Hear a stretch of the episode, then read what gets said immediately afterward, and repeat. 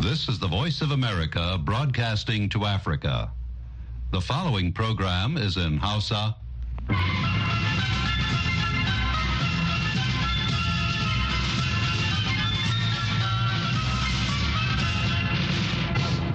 Sashen Hausa na muryar Amurka ke magana daga nan birnin Washington DC.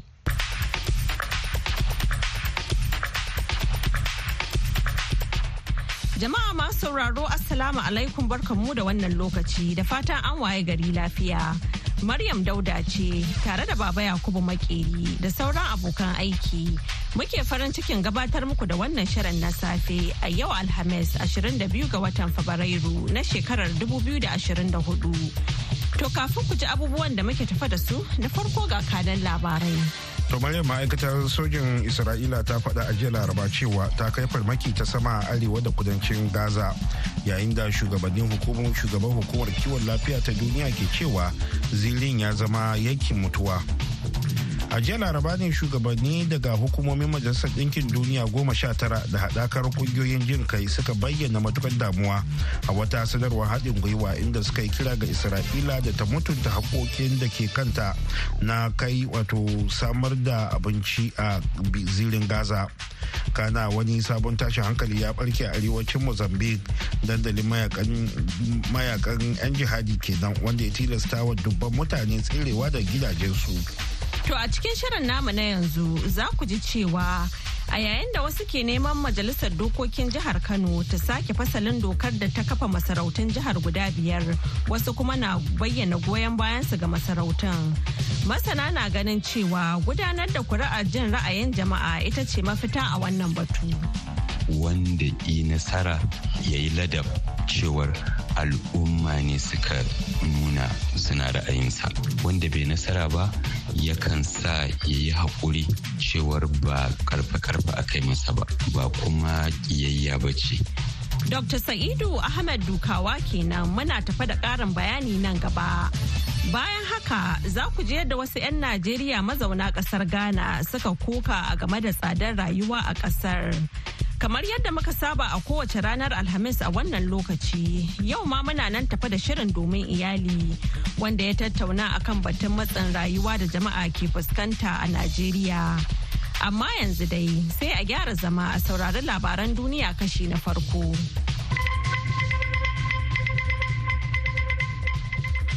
Assalamu alaikum jama'a ga cikin ga labaran duniya mai karantawa baba ya kuma kiri.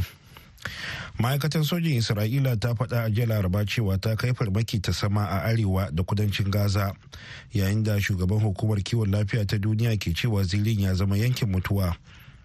Kafafen labaran isra'ila sun rawaito cewa rundunar tsaron isra'ila ta sanar da mutuwar wani soja wanda aka kashe shi a ranar talata a wani mummunan fada a arewacin gaza.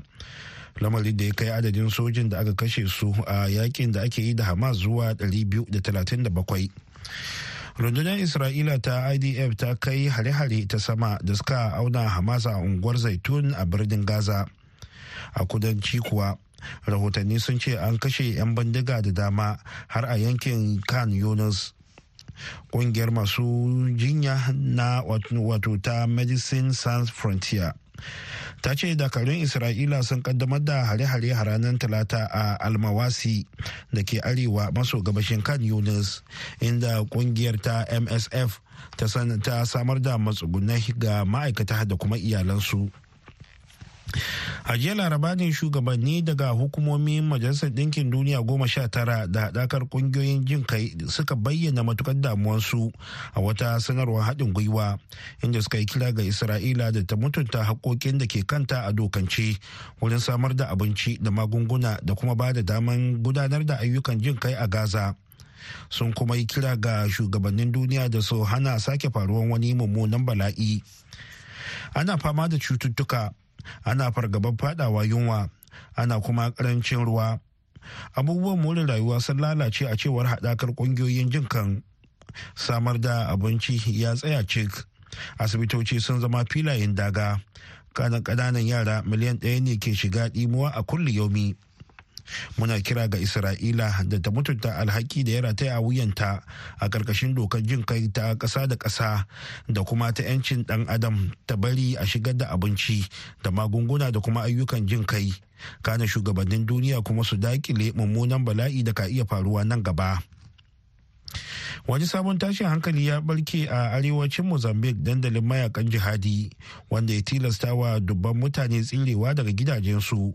A cewar wasu alƙalluman majalisar ɗinkin duniya da wasu majiyoyi a lardin cabo delgado wata faɗakarwa daga hukumar bakin haure ta majalisar ɗinkin duniya na cewa hare-haren bayan nan a gundumomin makomiya da cure da kuma makufi ya raba mutane takwas da gidajensu. Galibi ƙananan yara ta motoci da bas-bas da kuma kwale-kwale da ma tafiya da sawu. Shugaban ƙasar mozambique philippine yusi ya tabbatar da ficewan tarin mutanen amma ya kyamun cewa akwai barazana. Kane ya ce jami'an tsaron ƙasar sun shawo kan lamarin. Akwai ɗimbin jama'a da suka tashi daga wani wuri zuwa sabon wuri kuma sun yi korafi kan ba sa samun taimako. Shugaban yana faɗa bayan ganawa da kwamandojin sojin ƙasar. 'yan ta'adda ne suke ƙoƙarin ɗaukar mayaka a lardin. Dalili kenan da jama'ar ke barin wurin inji shi. To madalla kafin ku ji karashen labaran duniyar za mu leƙa ɓangaren rahotanninmu.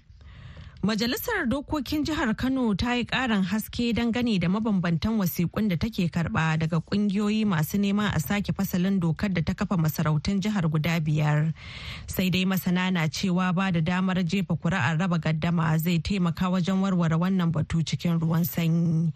Wakilin muryar Amurka Mahmud Ibrahim Kwari na ɗauke da ƙarin bayani a cikin wannan rahoton. Wata ƙungiya mai maradin dawo da sarki Sanusi na ce ta fara mika wasiƙa zauren majalisar kimanin makonni uku da suka gabata tana neman majalisar ta rushe masarautu huɗu da gwamnatin Kano ta Abdullahi Umar Ganduje ta kirkiro kusan shekaru biyar da suka shuɗe. Daga bisani aka rinka samun kwararar wasiƙu daga sassan masabbin masarautun. Suna jaddada goyon bayan su ga ci gaba da wanzuwar waɗannan masarautu tare da jan hankalin 'yan majalisar dokokin ta kano kan haɗarin da ke tattare da rusa masarautun da kuma dawo da sarki sanusi karagar mulki.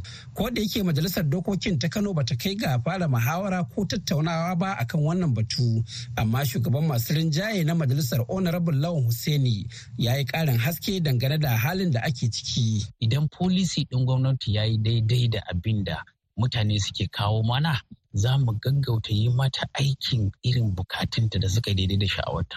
Kuma muna shawararen sha'awar gwamnatinmu wadda take a ƙarƙashin jam'iyyar NNPP. Ina makomar bukatun waɗanda kuke wakilta a zauren majalisa. Bukatun waɗanda muke wakilta a matsayin wakilai shine dama sun zaɓi jam'iyya ne don ta kare muradansu da bukatunsu. Ita kuma gwamnati ta al'umma ce.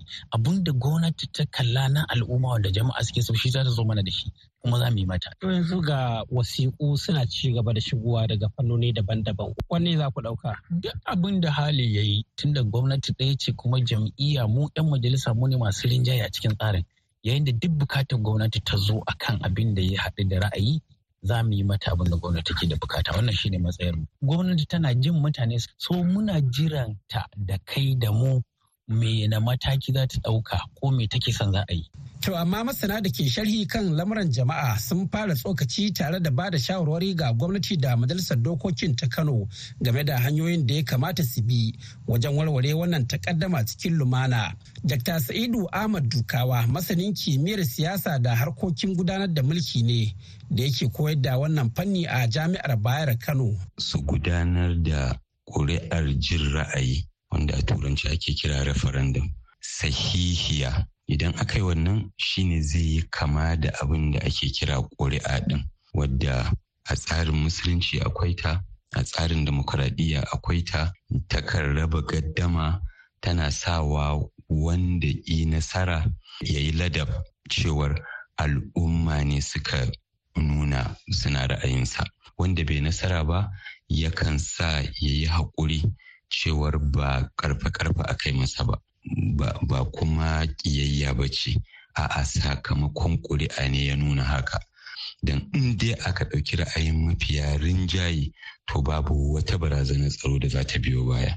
Sannan wanda duk yake da wata sha'awa na ko wancan ya dawo ko a ƙyale waɗannan su ci gaba duk za a biya musu sakamako.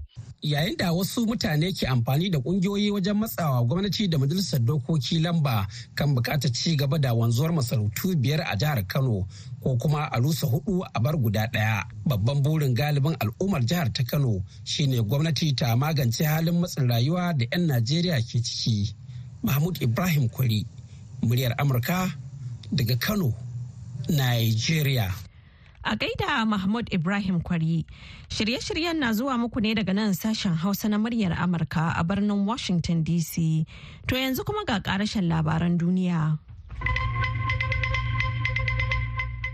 Dan majalisar wakilan Amurka Mike Galaga maga kujerar kwamitin wucin gadi na majalisa a kan China ya isa Taiwan yau Alhamis tare da tawagar sauran 'yan majalisa kada za su gana da manyan jagororin Taiwan.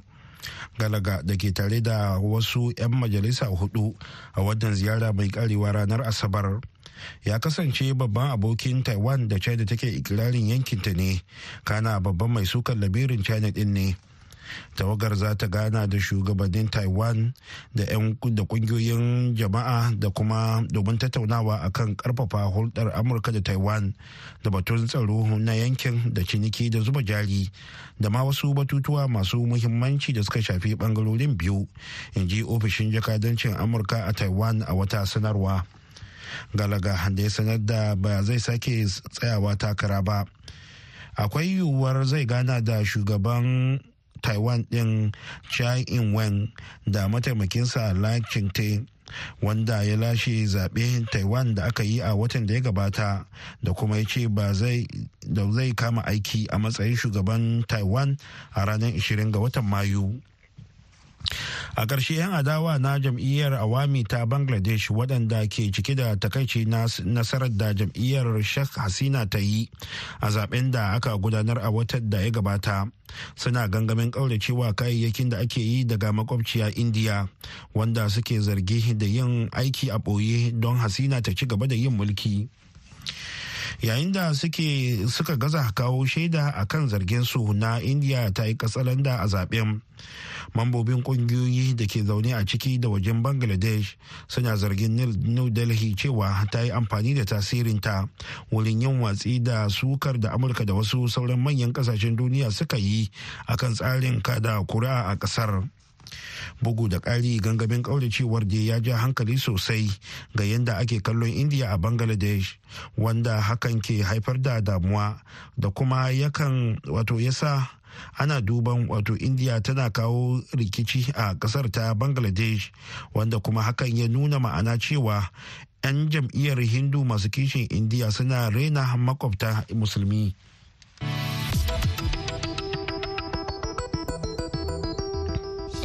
Labaran duniya kuka saurara daga nan sashen Hausa na muryar Amurka a birnin Washington DC.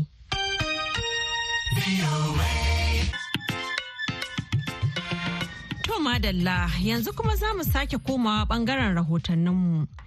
Yayin da ƙasashen Afirka da yawa ke fuskantar matsin tattalin arziki da ya fi shafar galibi talakawa. Wasu 'yan Najeriya da suka je Ghana cirani sun bayyana halin da suka baro a gida da yadda abubuwa suke a Ghana. Wakilin murya Amurka a birnin Accra Redwan Abbas ya jiyo ra'ayoyin wasunsu. To da farko dai sunana Idris Abubakar. Ni mutumin Najeriya na fito Kano State. Gezawa local government. Ni yanzu ban wuce wani sati biyu da baro gida kasan mu Najeriya ba. Dina mutum zai misalta abin ba zai taba fahimta yi ba in ba wanda yake wurin yake gani. Saboda mutanen da suke kwana da kwanaki ba su tsora abinci ba suna nan da yawa. Allah ya yawa da su. Ba su lissafi. yanzu ka baro gida ana cikin tsanani nan gana ma ana cikin tsanani najeriya kuka gana kuka shin a ganin ka agogon ma eh gwamnan guda ɗaya ne kamar shi gana akwai tsadar rayuwa amma yanayin samu ya bambanta. Saboda yanzu kamar a najeriya za ta yi kana magidanci kana da mata ɗaya ko biyu a kullum kayan maneji za ka iya cin kamar naira dubu ko biyar a gidanka. To bai zama lallai a kullum ka fita ka samu dubu biyu ba ko dubu uku. Wani a gidanka idan son samu ne a kullum za ka yi buƙatar dubu biyar ko fiye da haka amma ne kenan. Amma saboda ƙarancin samu dole muke haƙura muke tuwa nan ba don muna so ba. Ni ne Hussein Angu Jega dan Rausi daga Kebbi State, Nigeria. Ina nan Nima. Gaskiya akwai ƙalubale sosai a Najeriya. Amma kuma mafi yawan mutane da yawa idan sun zo wata ƙasa za su ga akwai sauƙin rayuwa cikin Najeriya bisa ga wata ƙasa inda aiki. Gaskiya har dai a nan gane. Saboda adadin kuɗaɗen da mutum ka amfani da su gida Najeriya da shi da iyali ne nan Ghana mutum guda sai ya amfani da waɗannan kuɗaɗe a nan.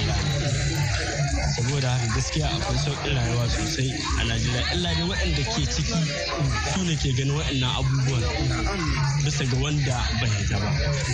Gaskiya haka abubuwan ni ne malam awal mazaunin lagos. Ko da yake asali na ne mutumin najeriya ne amma haifaffen ghana. To ga shi najeriya kuka ghana kuka. Kuma ga shi ka zo gida ghana.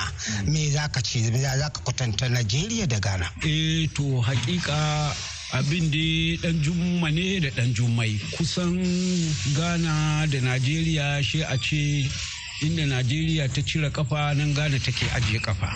Saboda me? Saboda tsarin siyasan su duk ɗaya ne. Ka gani? To kuma shi zamana waɗanda ake samu a gwamnatin hakika suna nuna son kai. Yadda nan suke nuna son kai can kuma haka suke nuna son kai. Tsakanin ghana da nigeria akwai gwamma? Can da sauƙi kan hakika domin wani lokacin na kashe kuɗi nan na lissafa shi na mai da shi a naira shi in ga abin da na kashe wannan kuɗin nan a cd shi in ga a to ai can ne wannan abin da na sai shi guda ɗaya nan. Can na sai biyun shi ko kusan ukun shi. Shi sa gaskiya akwai bambanci. Dukkan dai tsanani da za a shiga bayansa akwai sauƙi. Radwanullah Muktar Abbas sashen Hausa na muryar Amurka Accra, Ghana. Madalla a gaida Redwan Abbas shirye-shiryen na zuwa muku ne daga nan sashen Hausa na muryar Amurka a birnin Washington DC akan mitoci goma sha shida ashirin da biyar da kuma talatin da ɗaya. A jamhuriyar Nijar kuma za a iya sauraron mu a tashar mu ta VOA Africa akan mita ɗari da biyu da ɗigo biyar zangon FM. Bayan haka a ko da yaushe za a iya kama mu ta yanar gizo a voahausa.com ko kuma sashen hausa.com. Yanzu kuma ga shirinmu na gaba. Ya Allah ya Allah na roƙa. Allah ni kai ne na roƙa ka don ka ba. Ku jama'a tambaya ni ke da. Ku jama'a tambaya ni ke da. Tsadar rayuwar nan ta samo asali ne daga yawan ruwan bukatunmu da kuma tashin farashin kayayyaki babu gaira babu dalili. Miji ya fita ya je inda ko ya je yi ba da kwan. Idan kasuwa ya je ba ciniki ya dawo miki rabana atina dole ne ki san yadda zaki yi da yara. Masu saurare Assalamu alaikum barkamu da asuba alheri Grace Abdu ke muku fata alheri da kuma fata iyali na lafiya. Idan kuna biye da mu makon da ya gabata shirin domin iyali ya fara haska fitila kan tsadar rayuwa a Najeriya da ke ƙara kamari. Duk da matakan da gwamnati take sanar da ɗauka na shawo kan lamarin da ya haifar da zanga-zanga a sassa daban-daban na ƙasar da kuma barazanar yajin aiki daga ƙungiyoyi. Yau Shirin ya karɓi bakuncin waɗansu iyaye mata Aisha Abdullahi Naira da Aisha Bello da kuma magidanci kuma ma'aikaci Nuhu Umar domin nazartar wannan lamari da nufin neman mafita a wannan tattaunawar da wakiliyarmu Binta Ibrahim ta jagoranta. Comrade Umar ya fara da bayyana tsaka mai wuya da magidanta suka shiga a Najeriya. Farko dai akwai ƙalubale da suke fuskantar magidanta a wannan lokaci waɗanda abu uku ne sai dai suna tafiya hannu da hannu kafada da kafada akwai matsalar tsadar rayuwa akwai matsalar talauci sannan kuma ga yunwa nan ta wannan ba ƙaramin ƙalubale ba ne ga magidanta musamman kawai gari kana ganin cewa ga dan abin da kake da shi a hannunka amma ba zai kashe maka kishin siyan abin da zai biya bukatun gidanka na yau da kullum ba. Da farko dai tsadar rayuwar nan ta samo asali ne daga yawan ƙaruwan bukatunmu da kuma tashin farashin kayayyaki babu gaira babu dalili. Um, tashin farashin kayayyakin nan za ana danganta shi da wasu dalilai amma dai babban dalili shine rashin aiwatar da tsayayyen tsari daga wajen su masu tafiyar da al'amura na iko. Kamar misali ana yawan kokawa akan yadda dala take tashin gauran zabi wanda kullum babu wanda ma zai iya gaya maka cewa yau ga tsayayyen farashin dala. Kuma galibin kayayyakin nan na masarufi da sauransu shigo da su ake. Wannan ya sa rayuwa ta yi tsada. Sannan abu na biyu kuma wannan cire tallafi da gwamnati ta yi ba tare da ta yi wani hoɓɓasa don ganin musamman waɗanda suke karɓan kuɗaɗe na albashi da sauran abubuwa sun sami wani canji ba. Wanda yau idan ka kira mai yankan kumba ganin cewa komai ya ƙara tsada zai ƙara kuɗi. In ka kira mai rake zai ƙara kuɗi. In ka kira ɗan dako zai ƙara kuɗi nan take. Amma mutanen nan masu karɓan albashi an waye gari mutum na karɓan dubu talatin. Ana sayan shinkafa dubu ashirin da wani abu. Yau shinkafa ta kai dubu sittin da wani abu yana karɓan dubu talatin nan. An ƙara mai kuɗin haya yana karɓan dubu talatin. An ƙara ma yaran shi kuɗin makaranta yana karɓan dubu talatin.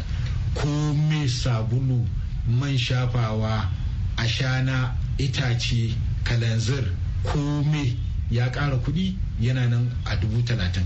To dole ne ya zamanto an samu babban matsala magidanta su shiga halin haula'i sai kuma na ƙarshe wato yunwa da take tunkarowa a sanadiyan rashin abinci a ƙasa ko kuma ƙarancin abinci a ƙasa wanda ƙarancin abincin nan abu biyu ne shi ma suka shafe shi. Abu na farko dai abincin da ake shigowa daga waje dalan ta yi tsada. Da haka dole ne a so shi da tsada kuma a sayar shi da tsada. Abu na biyu kuma abincin da muke nomawa a nan gida najeriya musamman a nan arewa. An waye gari saboda matsalan tsaro.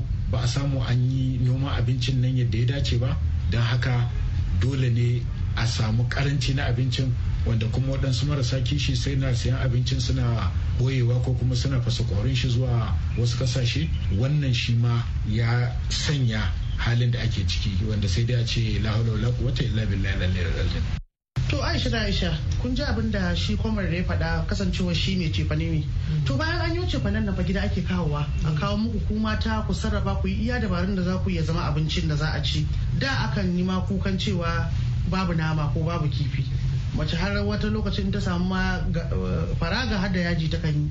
mata suna yaji yanzu akan wannan matsalan yaya kuke kuke kusan sarrafa wannan abincin kike batun nama ko kifi yanzu abincin ma ya samu ma kana jira a je a kawo maka. To miji ya fita ya je inda ko ya je yi ba da kwan idan kasuwa ya je ba ciniki. In kuma me yake yi ma dai ya dawo miki rabana atina dole ne ki san yadda za ki yi da yara. Masu wankau su yi wankau. Masu zuwa bin gidajen manyan mutane su yi shara su yi wanke-wanke biya su su zo su dan ma yara tuwo dai su ci. Da safe kuma a dindima a ci to ba a ƙara ci fa sai da daddare. To su ne yan gata. Wannan su masu hali ne a cikin talakawa. an kai wannan matakin. Yadda za ki ga wani gidan a wuna haka a kwana haka wasu ma kwana ɗaya kwana biyu dai ba a ci ba. Sai dai yara su je su yo bara su ci. Wani lokaci su samu wani lokaci ba za su samu ba. Shine za ki ga cututtuka sun yawa. Saboda yara ba su ci sun ƙoshi ba. Kamar yanzu mu da muke shugabancin mata haka muna shugabantan ƙungiya wannan ta zo maka da kuka wannan ta zo maka da kuka. Wani ma in aka gaya ma koke sai ka fashe da kuka kai kanka saboda tausayawa. Yin wannan fa da aka ce ana yi ana yin tafa da gaske. Ana yi. Saboda mu muke cikin su. Yau a zo a ce maka ba a ci ba gobe a zo a ce maka ba a ci ba. Kuma ba ma ta karan ka je siyan buhun shinkafa ko ka je siyan rabi ba. Ka je kasuwa yau za ka auni shinkafa shinkafa wallahi ta fi ƙarfin talaka. Dubu biyu ne da ɗari biyu a kasuwa. Karamin kwano. Karamin kwano. Kakki ce wai shinkafa irin ta gwamnati. A'a shinkafa ta hausa. Ta gida ta gida. Ita ce dubu biyu da ɗari biyu. Wata ma shinkafa in aka nuna miki ita ba kyan gani haka nan ake siye ana dafa to ya za a yi? Ai kin ko yunwa ta kai yunwa ga masarar ita ma garin tuwon ma aka fi amfani da shi yanzu ana nika ana siya. To garin tuwon akalla shi ma dubu ɗaya da ɗari biyar dubu ɗaya da ɗari shida. Shi ma ƙaramin kwano. Haka abin yake. Kuma da gaske 'yan kasuwan nan suna siyan abincin suna ɓoyewa. To me za a yi da shi da ake siya ana ɓoyewa? Me za a yi da shi saboda mutane su ƙara shiga masifa? To wani sashi na majalisar ɗinkin duniya inda suka yi dagan cewa shi wanda suke wanda ake cewa talakawa to wanda yake cikin wanda yake da ƙaramin ƙarfi musamman a najeriya sun ce yana zama ne a ƙasa da dala ɗaya. Ma'ana dai yana iya rayuwa ne kamar a ce dubu ɗaya dubu ɗaya da wani abu. To kuma yanzu a yanda kuke bayani na kamar dubu ɗaya ma bata siyo ma kayan abincin na a yi sarrafa shi a talauce kenan a ci. Aisha naira. Da gaske ne wannan magana da ake ake cewa mutane suna rayuwa a ƙasa da mutum. Ai ba mutum ɗaya ne ke rayuwa a ƙasa da dala ɗaya ba. Bi ma'ana yanzu a canjin da ake na bayan fage naira dubu ɗaya da ɗari biyar da hamsin ake cewa to a ji a kan haka ɗin. Ba mutum ɗaya ne wai yake rayuwa a kan dala ɗaya ɗin ba a'a. Yana zama zuri'a ce na cikin gida take rayuwa a kan dala ɗaya. Ba wai mutum inda mutum ɗaya ne ai kukan ba zai yi wa ƙasan haka ba. To dala ɗayan za ta iya sarrafuwa. Misali a ce an ciyar da misali ko da mutum ɗaya ne a rana tun daga safa dare. Wai wannan yiwon fa da ake faɗa da gaske ne fa akwai ta? Hmm. kun san da cewa a ƙasar nan a rayuwar da ake yanzu mata suna da wata sana'a da suke na gidaje. A cikin sana'a sai suka samu wani ilimi har yanzu. Wannan sa'a suke cewa ta awara. Waken soya da ake sarrafa. a yi awara.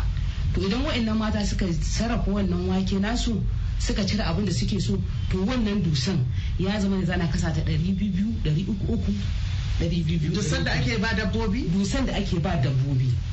Ita ce mata yanzu akwai matsayin da muke ciki a ƙasar nan musamman mu arewacin najeriya. Za su yi wannan dusan sai a je sai a ɗora ruwa akan wuta aka ɗora shi sai ya yi zafi. Idan ya zafi madadin irin muke ɗiba garin masara mai talge. Sai mu ɗauko wannan dusan sai su yi talgen shi.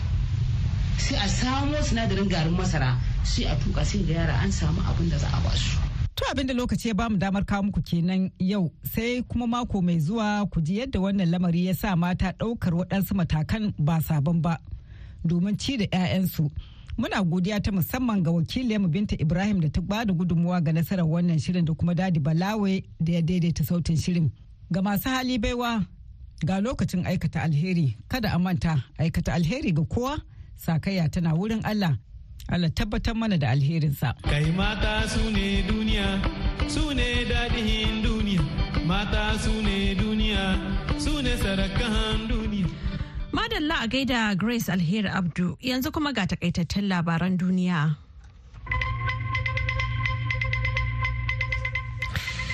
Ma'aikatar sojin isra'ila ta faɗa a jiya laraba cewa ta kai farmaki ta sama a arewa da kudancin gaza yayin da shugaban hukumar kiwon lafiya ta duniya ke cewa zirin ya zama yankin mutuwa.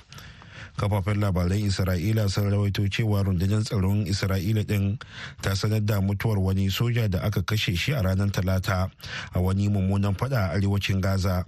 Lamarin da ya kai adadin sojojin da aka kashe a yaƙi da ake yi a da hamas zuwa 237 a jiya laraba ne kuma shugabanni daga hukumomi majalisar ɗinkin duniya goma sha tara da haɗakar ƙungiyoyin jin kai suka bayyana matuƙar damuwa a wata sanarwar haɗin gwiwa inda suka yi kira ga isra'ila da ta mutunta haƙƙoƙi da ke kanta a dokance wurin samar da abinci da magunguna da kuma ba da damar shigar da ayyukan jin kai a gaza sun kuma yi kira ga shugabannin duniya da su hana sake faruwan wani mummunan tashin hankali a ƙasar. Wani sabon tashin hankali ya barke a arewacin mozambique dandalin mayaƙan jihadi. Lamarin da ya tilasta wa dubban mutane tsirewa da gidajensu. A cewar alkalumar majalisar ɗinkin duniya da wasu majiyoyi a lardin cabo delgado. Wata faɗakarwa daga hukumar bakin haure ta majalisar ɗinkin duniya na cewa hare-haren baya-bayan nan da aka yi a gundumomin makomiya da turiya da kuma makofi ya raba mutane dubu goma da gidajensu. To masu sauraro da haka muka kawo ƙarshen shirinmu na wannan lokaci sai kuma can an jima da hantsi za ku ji maimaicin wannan shirin. A madadin Baba Yakubu Makeri da ya taya na gabatar da shirin da Dadi Balawe wanda ya haɗa shirin da ba da umarni da ma injiniyan mu Mr. Charleston. Ni Maryam Dauda ke cewa ku huta lafiya.